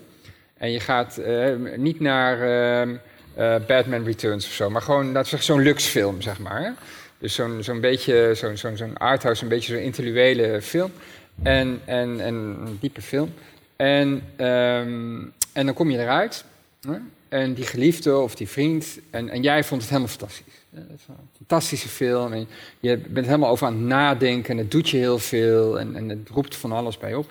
En die vriend zegt: Jezus, wat een kutfilm, zeg. Zullen we maar een biertje, want dan maken we tenminste nog wat vanavond. En dan, wow, hè, dan, eh, die ervaring ken je vast. En dan denk je, dan denk je, ja, dat gaat echt even helemaal niet goed, zeg maar, met die geliefde en met die, met die, met die, met die vriend. En wat gebeurt er dan? Dan ga je niet zwijgen, dan ga je praten, volgens mij. Eh, of je gaat het topic vermijden en je zet het inderdaad op een zuiper. Dat kan ook. Dat is meestal de beste strategie trouwens. Maar, maar je, je, je, je gaat praten en je gaat zeggen... ja, maar heb je niet gezien hoe dit of dat karakter eh, zich ontwikkelde? Eh, heb je niet gezien die belichting, weet je? La Grande Bellezza, kutfilm, maar fantastische belichting. Eh, weet ik veel. Dus je gaat juist praten. Dus ik zou zeggen, dat geeft Kant in, in die zin gelijk en ongelijk. Het geeft hem gelijk, denk ik, in de zin van dat je, dat je graag wil dat die ander het ook mooi vindt. Je leidt er echt aan dat die ander dat niet mooi vindt. En, dan ga, en daar komt denk ik het ongelijk van Kant. Ehm, wat, en wat ga je daar doen? Allemaal begrippen. Allemaal, heb je niet gekeken naar de cameravoer? Heb je niet gekeken naar de ontwikkeling van het karakter? Hè, als het even om een film gaat. Heb je niet gekeken naar de beelden? Heb je niet gekeken naar die, die, die, die, die, die plot, die wending ineens, dit of dat? Allemaal begrippen, begrippen, begrippen, begrippen. Ja, obje- Eh, objectivistische begrippen, zeg maar. Hè? Ja. Dus je gaat het objectiveren Ja. waarom jij die beleving hebt. Ja. En Kant zegt, tuurlijk moet je dat doen. Je gaat in dialoog met iemand, want je wil iemand overtuigen. Alleen het zijn geen argumenten zoals je argumenten kunt leveren bij een, eh, bij een empirisch feit. Ja. Bij een cognitief feit. Ja, ik wilde daar eigenlijk op inhaken, want in principe betekent het toch niet dat Kant gelijk en ongelijk heeft. En wat je dan eigenlijk zegt is dat de- er zijn niet, dus er is geen argumentatie om iemand te overtuigen. Kijk, dat, daarom is het mooi. Dat is mooi. En daarom heb ik gelijk en jij ongelijk. En nu moet jij je mening aanpassen. Dat is niet helemaal hoe het werkt. Want je, je blijft wel praten. Je blijft wel zeggen van... Ah, kijk, dat kleurgebruik. Of die penseelstreken. Of die prachtige vioollijn. Maar ja, heel veel meer dan dat kun je toch ook niet zeggen. Je kunt hooguit blijven wijzen van... Kijk, maar dit is toch mooi. En dit is toch ook mooi. En je kunt maar steeds kleinere stukjes pakken. Maar Ja, nooit echt en- zeggen, maar nee. nou heb ik gelijk en jij niet meer. Nee, en ik denk dat dat het kan, eigenlijk een Kantiaanse punt is van het feit dat je maar door blijft praten, bij wijze van. Ja, dus het feit dat je denkt dat, dat het zou toch zo moeten zijn dat we daar met z'n allen eens over kunnen zijn. Terwijl in, in die zin is Kant echt de eerste echte moderne estheticus. We zitten met een ervaring waarbij we gewoon verschillende, ja, verschillende smaakoordelen hebben. Daarvoor was het heel duidelijk. Klopte het met de kleuren, klopte het met de proporties, klopte het met, eh, met licht en donker. Nou, dat was mooi. Punt. Weet je? Daar was je heel snel over uitgesproken. En ik, ik denk dat Kant in die zin heel revolutionair is. Dat hij laat zien van ja, we, we zitten in een tijdperk waar dat inderdaad allemaal verschilt. En toch zit daar een ja, moment van universaliteit in. Dat we althans de pretentie hebben, de claim hebben van daar zouden we toch uit moeten komen. Daarom word je er zo onrustig van dat na zo'n film. Dat, dat iemand die je na, nabij is, dat, dat daar niet met je eens is. Dat, dat kan niet. Hè? Afgezien van dat het ook sociaal best lastig is. Maar, maar, maar dat, wil, dat wil je echt niet. Maar zou je dan niet kunnen zeggen, want eh, jullie, jullie verwierpen in eerste instantie die, die stelling van schoonheid doet zich voor in de onmiddellijkheid.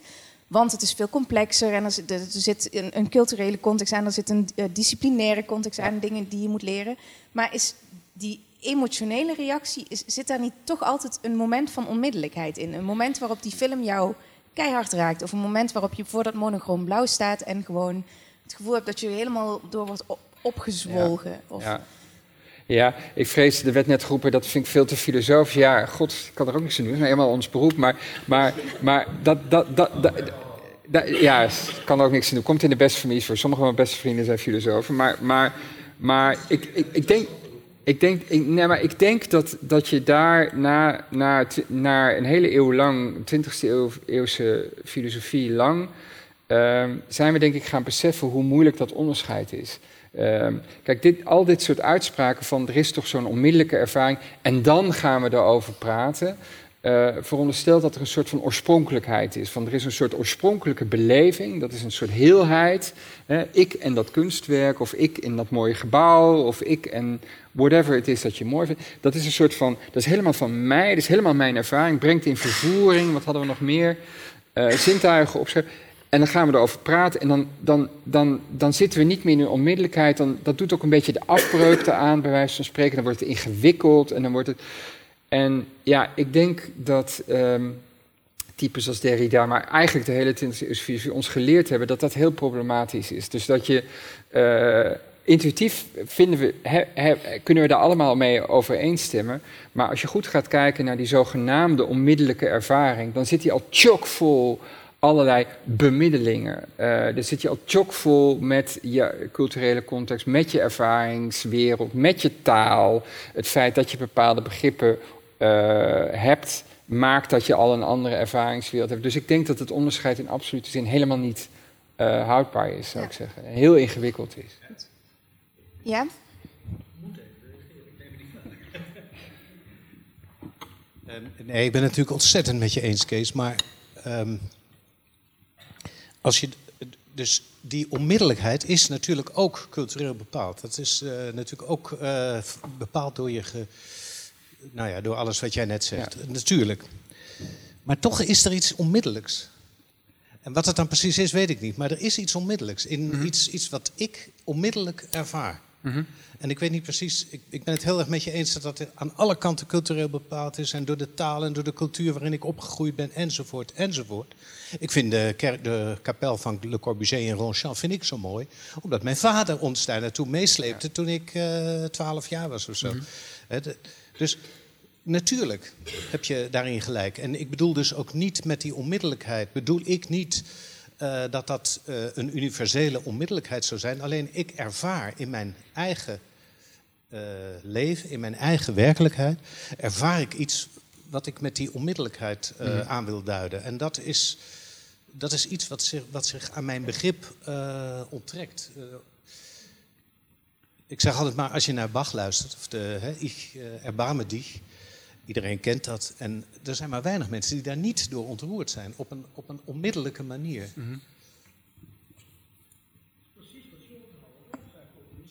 Ja. Dat hebben we al. Vooral de muziek is juist een onmiddellijke toegang tot. Nee, dat is. Ik, ik, het, het, dat, daar zit een beetje wel een punt. Goed, dat heb je natuurlijk met, met abstracte kunst. Die, die, die, die uh, Rothko, of, of ik noem dan uh, Yves Klein, maar je kunt vele andere voorbeelden waar, waar die onmiddellijkheid ook duidelijker is. Hè. Dus op het moment dat je. Zeker bij Nietzsche denk ik ook dat die onmiddellijkheid een hele belangrijke rol speelt. In de zin van. En, en waar die toch eigenlijk alleen maar het voorbeeld van de muziek heeft. Wat hij eigenlijk van Schopenhauer heeft, ben ik met je eens. Ja, daar is niks nieuws onder de zon wat dat betreft bij Nietzsche dan. Um, dat, dat, ja. Met, ja. Ja, bij muziek, hè, bij muziek. Maar iedereen kent toch de ervaring dat die onmiddellijkheid niet bestaat, niet bestaat bij, bij, bij, bij, bij een roman of bij poëzie. Een gedicht moet je soms hard, uh, moet, moet, moet je hard voor werken om het überhaupt tot je te nemen. Dus ik, ik vind het wat lastig om die middelijkheid en onmiddellijkheid op alle kunsten zomaar van toepassing te laten zijn. Bij muziek is het eigenlijk duidelijk, ben ik met je eens. Daar, daar, daar nee, heb je een soort directe toegang toe.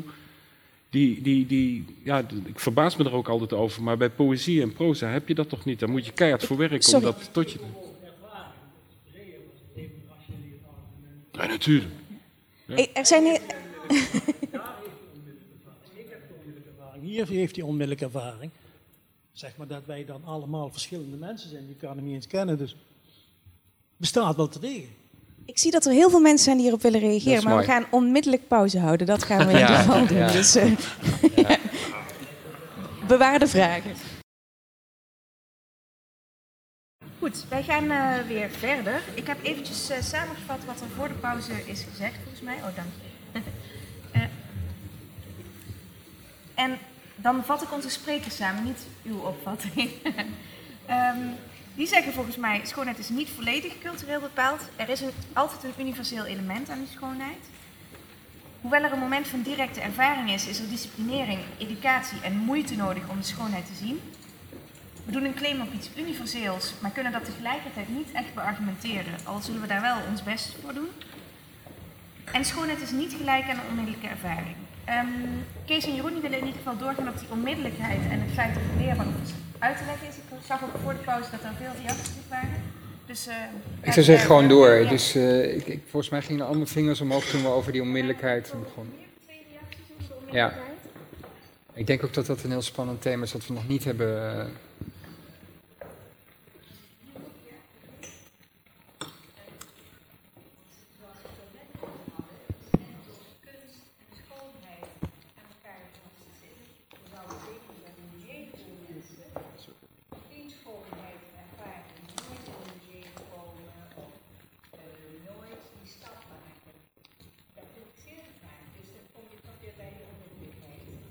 Ja. Oké. Okay. Ja, ik zou, ik zou nu even. Hij doet het weer niet, volgens mij.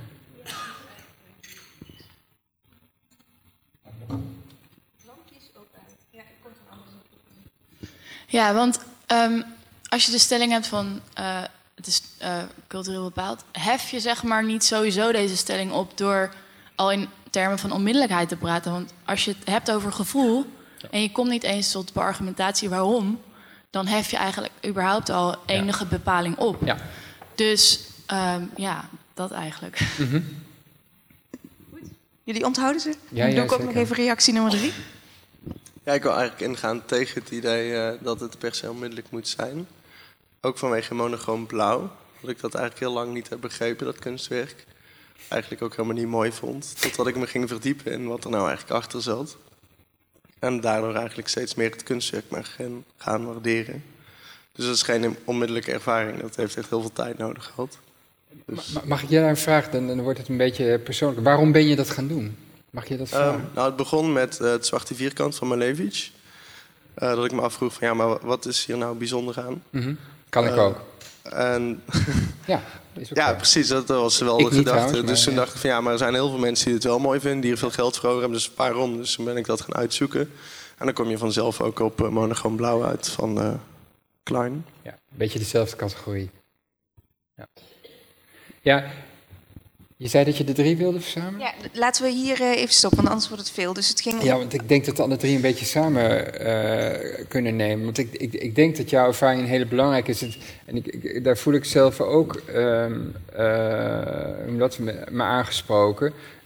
ik, ik, ik, zeg, ik, kom zelf zeg maar, uit een omgeving waar dat zigeunerinnetje met die traan, zeg maar, dat, dat hing aan de muur.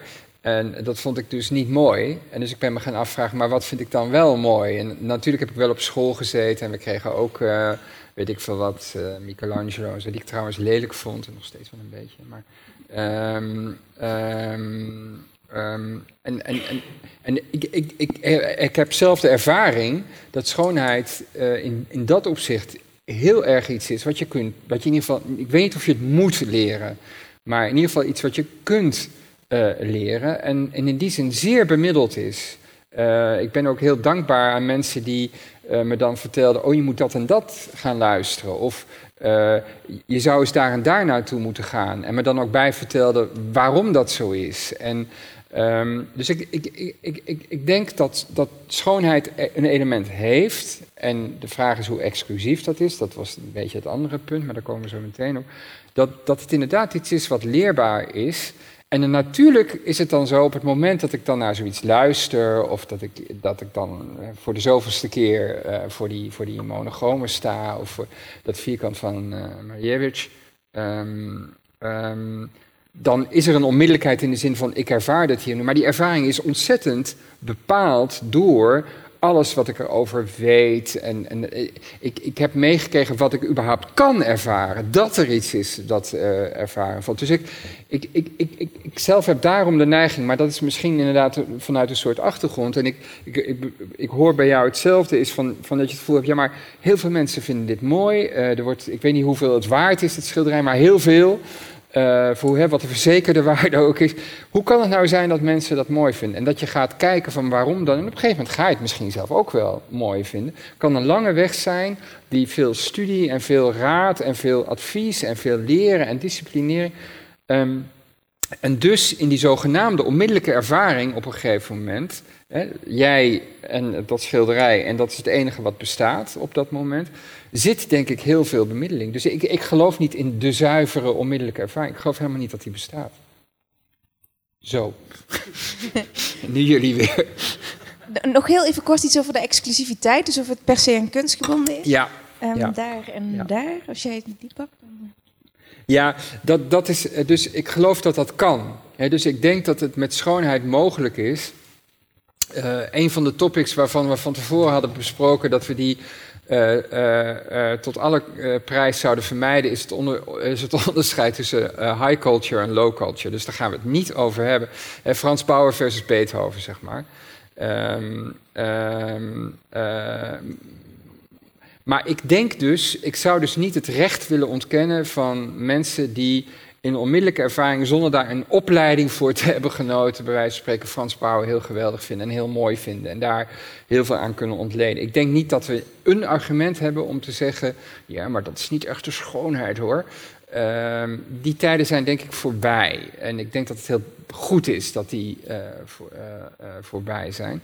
Dus het feit dat er met schoonheid zo'n ontwikkeling mogelijk is, betekent niet dat dat de enige toegang zou zijn tot schoonheid. En dat betekent ook, u, bracht geloof ik al eerder in natuurschoonheid.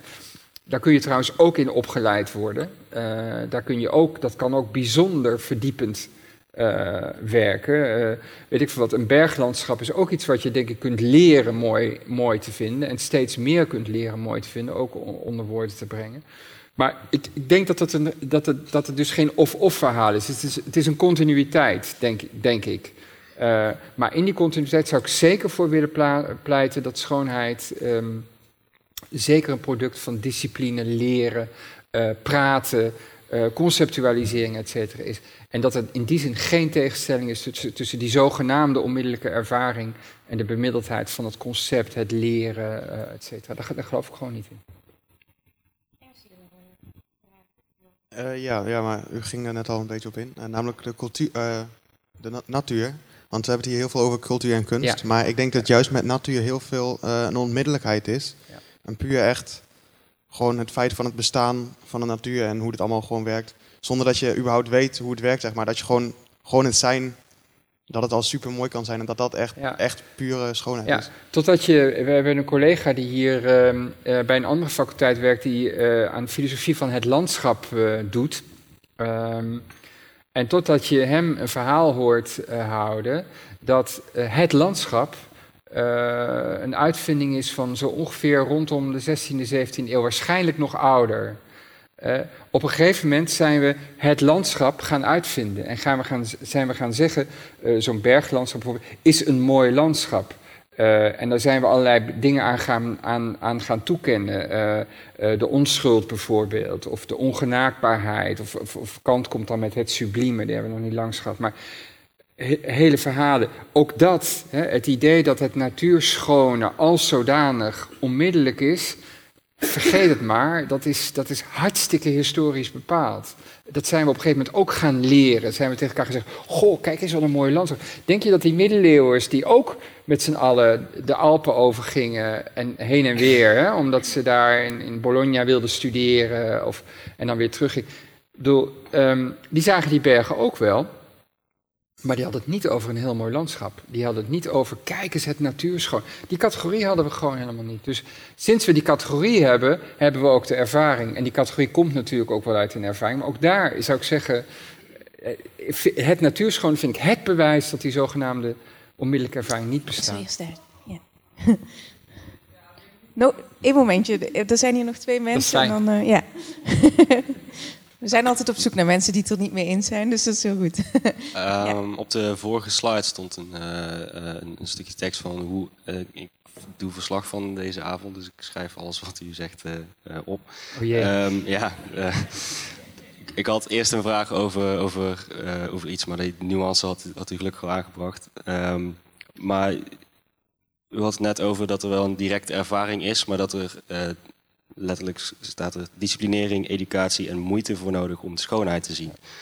Ehm, het klinkt alsof je wel een soort oppervlakkige schoonheidservaring hebt. En dan als je maar de juiste tweaks hebt en de juiste educatie hebt gehad, dan kan eigenlijk iedereen tot die, eh, tot dat, tot die ervaring komen. Ehm, dat is het eerste probleem wat ik mee had. En het tweede probleem denk ik van wat eh, meneer Linze net eh, het vertoog wat hij had over het belang van musea en de invloed die dat heeft. Dat doet mij heel erg denken aan ehm, de manier waarop Foucault het heeft over, over de eh, disciplinering die eh, tot stand komt door instanties, machtsinstanties. En hoe nu met musea wordt omgegaan is, is een prototype eh, machtsinstantie die voor ons bepaalt wat wij wel en niet mooi vinden. Ja, er zijn vijf museumdirecteuren in Nederland die inderdaad bepalen Ja, wat, wat precies. in is en wat uit. en zeker voor het belang wat, wat meneer Lins aan musea hangt, denk ik van wat, wat heeft, mijn, wa- wat heeft mijn, mijn, mijn schoonheidservaring nou eigenlijk voor waarde? Ehm, Nou, dat vragen we aan de Foucault-specialist. Nee, kijk, misschien toch. Sorry, ik kom dadelijk wel op je punt, maar ik, ik heb even moeite met eh, de, de, de, de mate waarin bijvoorbeeld kunst- en cultuureducatie nu ineens ons op, op, op, op, op, op de weg van de schoonheid zou brengen. Mhm. Ik, ik zou kunst- en cultuureducatie toch niet zien als ons op de weg van de schoonheid brengen. Kunst- en cultuureducatie staat volgens mij gewoon in het teken van kennis. En kennis heeft als zodanig met schoonheid heel weinig te maken. Dat onderscheid maakt Kant al hè, in de zin van het gaat er niet om dat je weet dat het mooi is. Nee, het gaat erom dat je voelt dat het mooi is. Dat is dat, dat, en die, die kunst- en cultuureducatie die opent gewoon deuren, die opent mogelijkheden. Hoe meer mogelijkheden, ja, hoe meer kans er bestaat dat je wellicht iets mooi vindt uit, uit die cultuurgeschiedenis. Maar het brengt ons toch niet op de ware weg van, van, van, van de schoonheid. Snap Maar er is wel een selectie gemaakt al natuurlijk in die kunst en Nee, natuurlijk, dat, dat, dat, dat, besef ik ook. Maar in- ik denk, in- denk ook dat- echt dat je op een gegeven moment moet... horen- Ja, in mijn geval bijvoorbeeld, ik ben... eh, eh, ehm, ik hou van heel veel dingen, en, en, maar ik ben een ongeneeslijke eh, Wagneriaan. Ik hou heel erg van de opera's van Wagner. Nou, ik vond mijn omgeving, met name toen ik studeerde, niet, niet echt heel fijn. Ik ben uit het studentenhuis gezet omdat ik naar Wagner... eh, vijf uur per dag, want daar moet je vijf uur per dag eh, heel, heel hard, met de volume heel hard aan moet je naar luisteren. Dat heb ik ontdekt omdat iemand op een gegeven moment zei van, ja, ik was bezig met muziek te ontdekken. Zei, dat moet je hebben. Volgens mij is dat echt iets voor jou. En die heeft me toen uitgelegd wat zeg maar het belang van Wagner was voor de muziek van de 20e eeuw, waar die vandaan kwam, et cetera. En, en had het over, en als je naar die opera luistert, dan zie je dit en dan zie je dat. Dat was puur kennis. Hè? Dat was puur, uh, daar is dit aan de hand en het is zo complex en tonaliteit en harmonieën en, en, en et cetera. En ik dacht, wauw. Ben dat gaan luisteren en, en toen kwam, kwam dat terug en ik herkende dat. Maar dat maakte mijn ervaring van die muziek meer dan dat. Ik bedoel, daarvoor had ik het ook wel eens gehoord. Vond ik ketelmuziek. Hè, vond ik het vooral heel lang en heel hard en, en, en, en gillende weet ik veel wat. En, en toen ben ik het gaan herkennen en toen kwam dus die ervaring. Dus mijn ervaring was absoluut een product van de kennis die ik had van wat er in dat stuk allemaal zat aan, aan mogelijkheden. Dus ik, daarom geloof ik dus niet in die tegenstelling tussen alleen maar mijn gevoel en daarnaast kun je dan, heb je de kennis uh, die het kan, kan situeren. Daar geloof ik helemaal niks van. Die, die kennis kan jou wel degelijk ook je gevoel en je ervaring verdiepen. Sterker nog, die kan die ervaring produceren op een bepaald moment. Ja, ik ben meer geneigd te zeggen dat de, de, de kennis mogelijkheden opent. Maar dat dat, dat dat nog niks zegt over wat je schoonheidservaring is ten aanzien van dat wat je hebt gekend. dus de, de, de, nogmaals, kunsteducatie leert mensen te luisteren naar heel veel verschillende dingen. bij muziekles, om het zo te zeggen. Mhm. daar, daar krijg je een, eh, een hele serie van, van, van, van muziekgenres uh, te horen binnen de muziek. En, maar dat zegt nog, ik bedoel, ik, ik, ik, nee, dat, dat, dat, dat lijkt me, lijkt me ook niet de inzet van, uh, van, van educatie te zijn. Het is iets anders dan wanneer je iemand met wie je een gesprek voert en iemand zegt, ja, goh, je moet dat eens luisteren, want dat is echt bijzonder. Natuurlijk, ik doe dat ook. En zo doe, ik neem aan dat iedereen dat wel doet. Ja? Je laat je inspireren door je vrienden en je kennissen. Welk boek je moet lezen en, en welk, naar welke film je moet gaan. Daar is, daar, daar is niks mis mee, maar dat zegt nog niks over wat er dan met jou gebeurt op het moment dat je naar die film gaat of op het moment dat je dat boek leest. En je, je bent wel erg, uh, je laat je wel erg disciplineren als je dan bij voorbaat al weet van nou dan zal ik het ook wel mooi vinden. Zo werkt nee, helemaal niet. Nee. Een momentje, want er is hier iemand die direct wil reageren. Ik sta hier. ik zie jullie zoeken. En dan wil ik daarna wel eventjes terug nog over naar dat punt over uh, macht uh, wel in relatie tot schoonheid. Ja, ik denk, nee, het is in zekere zin een bevestiging van wat je of een van wat jij zegt. Het gaat om ontvankelijkheid en uh, je hebt helemaal geen museum nodig om schoonheidservaring te hebben. Je hebt volgens mij helemaal geen kennis nodig om schoonheidservaring te hebben. Maar het museum en de ervaringen die je daar hebt en wat je ziet, kan bijdragen aan de ontvankelijkheid van schoonheidservaringen. Kennis, vrienden die jou op iets wijzen, die kunnen jou ontvankelijk maken. En uh, dat is, ja, dat is allemaal geen garantie voor, voor het feit dat je inderdaad schoonheid ervaart. Nee, maar ik denk toch, ik denk, ja, nog, nogmaals, ik, ik denk voor, mijzelf is dat naar zo'n naar zo'n uh, zo'n Wagner-opera bijvoorbeeld, zo'n hele Ring des Nibelungen, om daarnaar te gaan luisteren. Zeker, en ik, als ik daar dan zit, dan zit ik niet van, oh, zie hier, oh, wat een fantastisch wordt hier de tonaliteit weer opgelost en, en bladibla. Natuurlijk niet. Maar, um, en natuurlijk ben ik vooral heel erg overweldigd. En, en, en, uh, en maximaal overweldigd zelf. Maar toch denk ik dat ik, omdat ik meer van die muziek snap, gewoon snap, omdat ik snap wat hier gebeurt en wat, die, wat hij er, uh, wat Wagner er ook mee heeft willen, uh, willen doen. Um, denk ik dat mijn ervaring een andere kleur heeft, een andere ervaring is dan die ervaring daarvoor. Want toen vond ik het gewoon vooral heel veel lawaai. dus ik heb echt, mijn ervaring zelf, dat zogenaamde gevoel, heeft een hele ander karakter, heeft een voor mijn gevoel rijker karakter gekregen. Wel degelijk ook door alle cognitie die ik daaromheen heb opgedaan van anderen en door zelf te lezen, uh, et cetera. Dus daarom, ik, nogmaals, geloof ik niet in, in de tegenstelling daartussen. Ik, ik, ik ben het eens met, natuurlijk is die cognitie niet hetzelfde als um, de ervaring. De cognitie zelf roept ook geen ervaring op, want je kunt, zoveel, je kunt ontzettend veel weten over, weet ik veel wat, um, de techniek van, van hoe, hoe Michelangelo die Sixtijnse kapel heeft gemaakt. En dan nog kun je het heel lelijk vinden Ehm, ehm, maar, maar, maar, ehm, maar het kan zo zijn, het kan zo zijn. Het is in, in mijn geval, ja, ik vind toch wel vaak zo dat die cognitie kan helpen de ervaring. Dus ik, ik geloof niet in een tegenstelling tussen die twee. Nee, nog één, nog één uh, directe reactie hier en dan, uh, dan daarna dat punt van macht. Ja.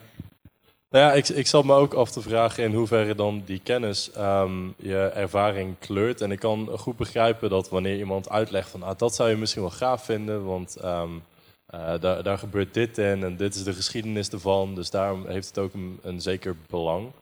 Um, maar dat als je het gaat luisteren, dat je doordat je dat begrip hebt, dat je dan kunt denken van oh ja, ik, zie, ik snap wat hij bedoelt en ik, ik zie hoe dit van een of ander belang is, maar ik vind het nog steeds af, afgrijzelijke muziek. Ja, um, en ik, ja. wat dat betreft denk ik dat die kennis en, en die ervaring nog steeds best wel ver van elkaar af kunnen staan. Ja, wat, dat ho hoewel dat je heel veel erover weet en nog steeds. Ja, ik, denk, ik denk juist dat, dat, dat kijk, kennis uh, kan niet anders dan zich enigszins baseren op een soort kanon. Begrijp je wat ik bedoel? En dat zitten we precies bij dat disciplinemodel. Het disciplinemodel is, u dient deze kanon mooi te vinden. Dat is de kanon van Bach tot Weberen, ik zeg maar wat. Of de kanon van Rembrandt tot, wat hebben we vandaag? Klein. Klein. Eh, en dat dient u mooi te vinden. Dan, hebben we het, dan zitten we volgens mij in het disciplinemodel. Dan is er een model van macht en weten dat samengaat. En, waarin je, en, en, en nogmaals, heel veel educatie en cultuureducatie is in die zin ook gewoon simpelweg disciplinering. Ik zou me daar niet tegen willen verzetten in de zin van dat disciplinering fout is. Maar ik zou me tegen willen verzetten wanneer we menen dat we daarmee de schoonheidservaring hebben opgewekt. Dat nog niet. Mogelijk. En precies, dan krijg je dat punt dat je dus ook, zolang, zolang de educatie toestaat, dat je ook kunt zeggen, ja, maar die onderdelen niet voor mij, dan is, het, dan, dan is het prima. Dan is er ook geen sprake van een disciplinering. Maar die, ik vind die kanonisering vind ik heel gevaarlijk. Het kan niet anders. Ik, ik, ik ben ervan overtuigd dat we niet anders kunnen onderwijzen aan, aan, aan onze kinderen, om het zo te zeggen, uh, over, over kunst en cultuur aan de hand van een soort kanon. En tegelijkertijd moeten we ze leren dat je er ook nee tegen mag zeggen. Dat je ook onderdelen mag afwijzen. Dat dat niet een, een soort iets is van dat je dan uh, ja, dat je, dat je niet goed wijs bent of zo als je dat niet mooi vindt. Nou, ik zou zo zeggen, jullie claim van universaliteit en het feit dat kunst niet louter subjectief is of schoonheid, dat, dat pleit voor een kanon. Er is een reden dat het, dat het zigeunertje met de traan niet in het kunstboek uh, op mijn middelbare school stond. Nee. Maar als Jeff Koens het in het museum hangt, weer wel. maar dat dat problematisch is ik zou, en, en, en, dat je daarover kunt discussiëren met elkaar, dat, dat, dat je daar een dialoog over kunt houden. Als dat kunsteducatie is hè, en, en, en, elkaar kunt uitdagen, ik bedoel niet in de negatieve zin van het is allemaal niks, maar in de positieve zin van wat vindt u daar dan van, wat vind je daar dan van? Ja, ik bedoel, daar, daar, daar geloof ik in. Ik weet niet of, of we het gaan redden met, met z'n allen, maar uh, die, als het gaat over, over macht, dan denk ik heel sterk in, in het, in het uh, bij wijze van spreken, zweren bij de kanon. Als je begrijpt wat ik bedoel. En, dus ik ben het best met jou eens dat natuurlijk eh, bepaalde kennis van zaken kan nieuwe ervaringen openen. Uh, zonder meer. Ja, ik kan nog één vraag. Um, als ieder individu um, zeg maar een waarheidsclaim kan doen van wat mooi is, wat is dan nog schoonheid? In, de univers in het universalisme hef je dan toch eigenlijk dat erop? Dus ik vraag me nog steeds af, hoe kom je dan tot waar u het over heeft, die ware schoonheid, zeg maar. Dat is nog steeds die eerste beleving waar ik nog steeds naar voor een antwoord zoek. Hoe komen we van al die subjectieve ervaringen tot schoonheid dan toch tot dat universele, die universele schoonheidsclaim? Ik, ik, ik, ik denk dat je die universele schoonheidsclaim alleen maar meemaakt op het moment dat je hem uitspreekt. Dus nogmaals, als je zegt, goh, wat is dit prachtig, dan claim je daarmee universaliteit. Het is niet daarmee universeel.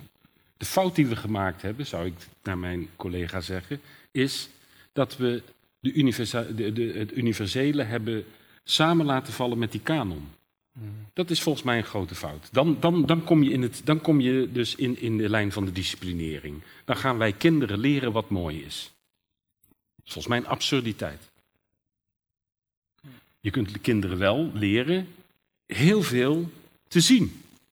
We hadden een van de, de dingen was de zintuigen op scherp zetten. Dat, dat, dat vind ik ontzettend belangrijk. Ik ben groot voorstander van kunsteducatie op scholen. Om heel veel te laten zien, heel veel te laten luisteren, maar dan ook echt van alles. En niet wat de leraar toevallig mooi vindt.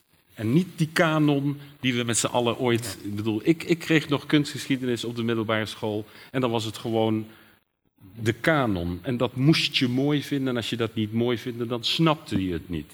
Ja, dat lijkt mij. Maar goed, dat heb jij net zelf eigenlijk ook gezegd. Dat, dat lijkt me voorbij in die zin. Dat is klaar. maar is dan niet is het, het, universele aan deze claim dat eigenlijk iedereen een bepaalde ervaring kan hebben in schoonheid? Ja. Dat dat eigenlijk ik, ik, ik, in de claim zelf zit ja, eigenlijk. Als je, dat te weinig vindt, is het jammer. Maar ik, ik, denk dat, dat de, de, de, de, de, de echte liefhebber van Frans Bauer, die dus zegt: Ik snap niet dat je dat niet mooi vindt, dat hij iets heel wezenlijks zegt. Die doet namelijk die, die, die, doet die claim van universaliteit. Maar nou zitten we gevaarlijk dicht bij wat je in het begin bestreed, hè? Dat, dat het een subjectieve ervaring is. Uh, want ik, ik zou zeggen, ik ben het helemaal met jou eens. Nee, nee, maar ik, zeg, ehm, ik, ik, ik, zeg alleen dat je die serieus moet nemen. Dat, dat, dat, dat, dat die, die, als iemand, kijk, bedoel, als iemand zomaar zegt, het is lekker voor het behang, of hoe zeg je dat? Hè? Mhm. het is goed behang, het doet de kooplust toenemen als mensen al. Dat vind ik allemaal flauwekul maar het gaat erom als iemand zegt van, bij wijze van spreken, nou hier naast mij zit iemand die een, een bewondering heeft voor een componist die ik eigenlijk verafschuw. Wagner. Uh, als mens. Ja. nee, niet eens alleen als mens. Het is ook, ook nog onmogelijke muziek wat mij betreft. Maar dat, dat doet er niet toe. Dat kun je niet zeggen. Hij doet een, in zijn claim, zegt hij tegen mij, dat kun je niet zeggen. Mm -hmm. En ik heb een claim over Bach, die werd net al genoemd. En ik zal zeggen van, ja, dat is dat is zo onvergelijkbaar met Wagner. Hè? De, en misschien heeft, zet hij er iets tegenover, maar dan, kijk, dan, je, hebt, je, je, voert gesprek, maar ik bedoel, we kunnen toch, er is toch niet zoiets als dat we objectief kunnen, we kunnen objectief vaststellen dat dit glas niet naar beneden valt zolang het op deze tafel staat. Weet ik veel wat. Hè? Maar we kunnen niet objectief vaststellen dat Wagner beter is dan Bach of Bach beter is dan Wagner. Dat lijkt me echt uit en boze. Dat nou... moet... Pardon?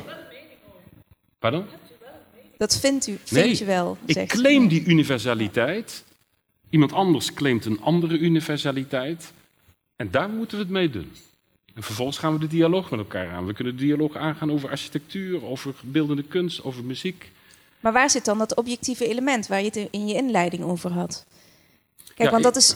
ik, ik, uh, om een voorbeeld te noemen, die muziekleraar. het is heel, heel mager, maar in die claim ik claim objectiviteit terwijl ik het niet hard kan maken dat het objectief is zoals ik bij een cognitief oordeel dat wel kan. Nou, maar om een voorbeeld te noemen. Jouw, jouw kind op die muziekles, dat voorbeeld wat je net noemde, uh, het maakt jou vast wel wat uit of die uh, van die muziekleraar, want je zegt het, het gaat erom dat hij een breed aanbod krijgt. Maar dat brede aanbod, uh, daarvan heb je waarschijnlijk liever dat het um, de Beatles, Bach en noem nog eens iets is. Niet ja, Frans Bauer. Dan Frans Bauer, Ja, dat is toevallig ook een beter. ja. ja. Dus waarschijnlijk heb je daar, daar, daar zit iets van een objectief element in. Denk ik ook. Ik, nou, ja, maar ik, ik, ik denk... Ik, ik zou de muzieklerares die, die, die Frans Bauer... Nou, Frans Bauer misschien, ik maak me niet zo uit... maar die niet gewoon ook de populaire muziek laat horen... en van mijn part de Nederlandstalige smartlappen... dat zou ik een slechte muzieklerares vinden. Ja. Okay. Je, je, je, je, je, laat toch... Je, je, als, als je jonge mensen wil er laten ervaren wat muziek is, dan laat je toch vele genres horen en vele... Ja, maar laten ervaren wat muziek is, is iets anders dan laten ervaren wat schoonheid is. Ja, en ik denk, maar ik, heb juist gezegd, kunsteducatie laat niet ervaren wat schoonheid is. Dat is ook niet het doel ervan. Dat is heel instrumenteel. Dat is gewoon kennis bijbrengen over wat er allemaal op, op het gebied van de beeldende kunst of op het gebied van de muziek is. Maar ik, ik zou misschien een andere insteek, um, om hetzelfde te zeggen, dat... Um, Kijk, het ligt inderdaad, de universaliteit, of de zogenaamde objectiviteit, ligt in de claim. dus ik, ik vind echt dat. Uh, ik vind Bach dus ook, eh, maar Bach is gewoon buiten competitie. Ja, dat vind ik ook buiten competitie. En, en, dan heb je componisten en daarvan is Wagner de beste. um, um, maar maar um, ik, ik, ik kan jou een verhaal vertellen. Dat, dat, dat kan ik ook proberen te doen als, als, ik, hè, als we in een situatie zitten dat, ik, hè, dat we ervan overtuigd zijn dat het een interessant gesprek is dan kan ik je toch, ga ik je proberen te vertellen waarom dat zo is. Dat is denk ik ook het voorbeeld van die film. dus daar waar er even een dissensus, dus waar er even een soort van strijd is van ik vond het een kutfilm, maar ik, vond, eh, ik had een enorme ervaring, dan ga je dat toch proberen te objectiveren. Dan, dan is denk ik het Kantiaanse punt niet ehm, eh, het is objectief, want dat is het namelijk niet. Maar je kunt wel degelijk, je kunt die ervaring wel degelijk objectiveren. Je kunt er redenen aan geven, je kunt er een verhaal van maken, je kunt het conceptualiseren. En daar kun je het allemaal niet over eens zijn. Krijg ik het dan voor elkaar dat je daarmee, dat jij dezelfde schoonheidservaring hebt als ik? Nee. Krijg ik niet voor elkaar. En dat is denk ik het eigenaardige van schoonheid. Anders dan misschien zelfs goedheid en zeker dan waarheid. 2 plus 2 is 4, ja op een gegeven moment als ik, ben ik uitovertuigd en, en, dan is het gewoon fout als jij denkt dat het vijf is, bij wijze van spreken. We hebben allemaal die intuïtie, zo zit het niet met schoonheid. Maar het is ook weer niet zo. Het is alleen maar mijn eigen ervaring, punt uit. Ik kan het wel degelijk objectiveren. Ik, op het moment is er een, heb ik een discussie, en dat weet Maarten trouwens ook. Um, we gaan uh, op de universiteit, we gaan die Thomas van de Quino-laan afbreken. Um, die wordt... Uh, en bijna iedereen is daar blij mee. Bijna iedereen op de universiteit vindt dat, behalve Maart, uh, weet ik toevallig. Uh, bijna iedereen op de universiteit vindt het ongelooflijk lelijke gebouw met die grijze baksteen. Ik weet niet of u het gebouw kent. En, en, als je erin komt, verdwaal je en het is claustrofobisch en het is verschrikkelijk. Dus iedereen is blij. Nou heb ik één collega en die, die, die wil eigenlijk een campagne gaan voeren om het te behouden. Uh, hij heet Mark Slors trouwens. En, mm, mm, want die zegt dat is mooi. En dat is, die 70 jaar architectuur is prachtig. En, en, en, en, en, dan proberen we dat tegen elkaar. Maar we proberen argumenten te vinden. En we overtuigen elkaar natuurlijk niet. Dat is dan ook wel weer waar. Maar dus, dus um, ook al is het niet universeel in de zin. Ik kan hem geen. Ik kan niet het doorslaggevende argument geven in de zin van 2 plus 2 is echt 4. En nu hou je je mond. Het is gewoon 4. Maar we blijven er wel over in gesprek, we conceptualiseren het wel, we objectiveren het wel. En dat is denk ik het spannende van uh, de schoonheidservaring. Die laat zich conceptualiseren, die laat zich objectiveren. En tegelijkertijd is dat niet hetzelfde als die ervaring, maar ook weer wel. En dat, dat vind ik er nou juist heel spannend aan.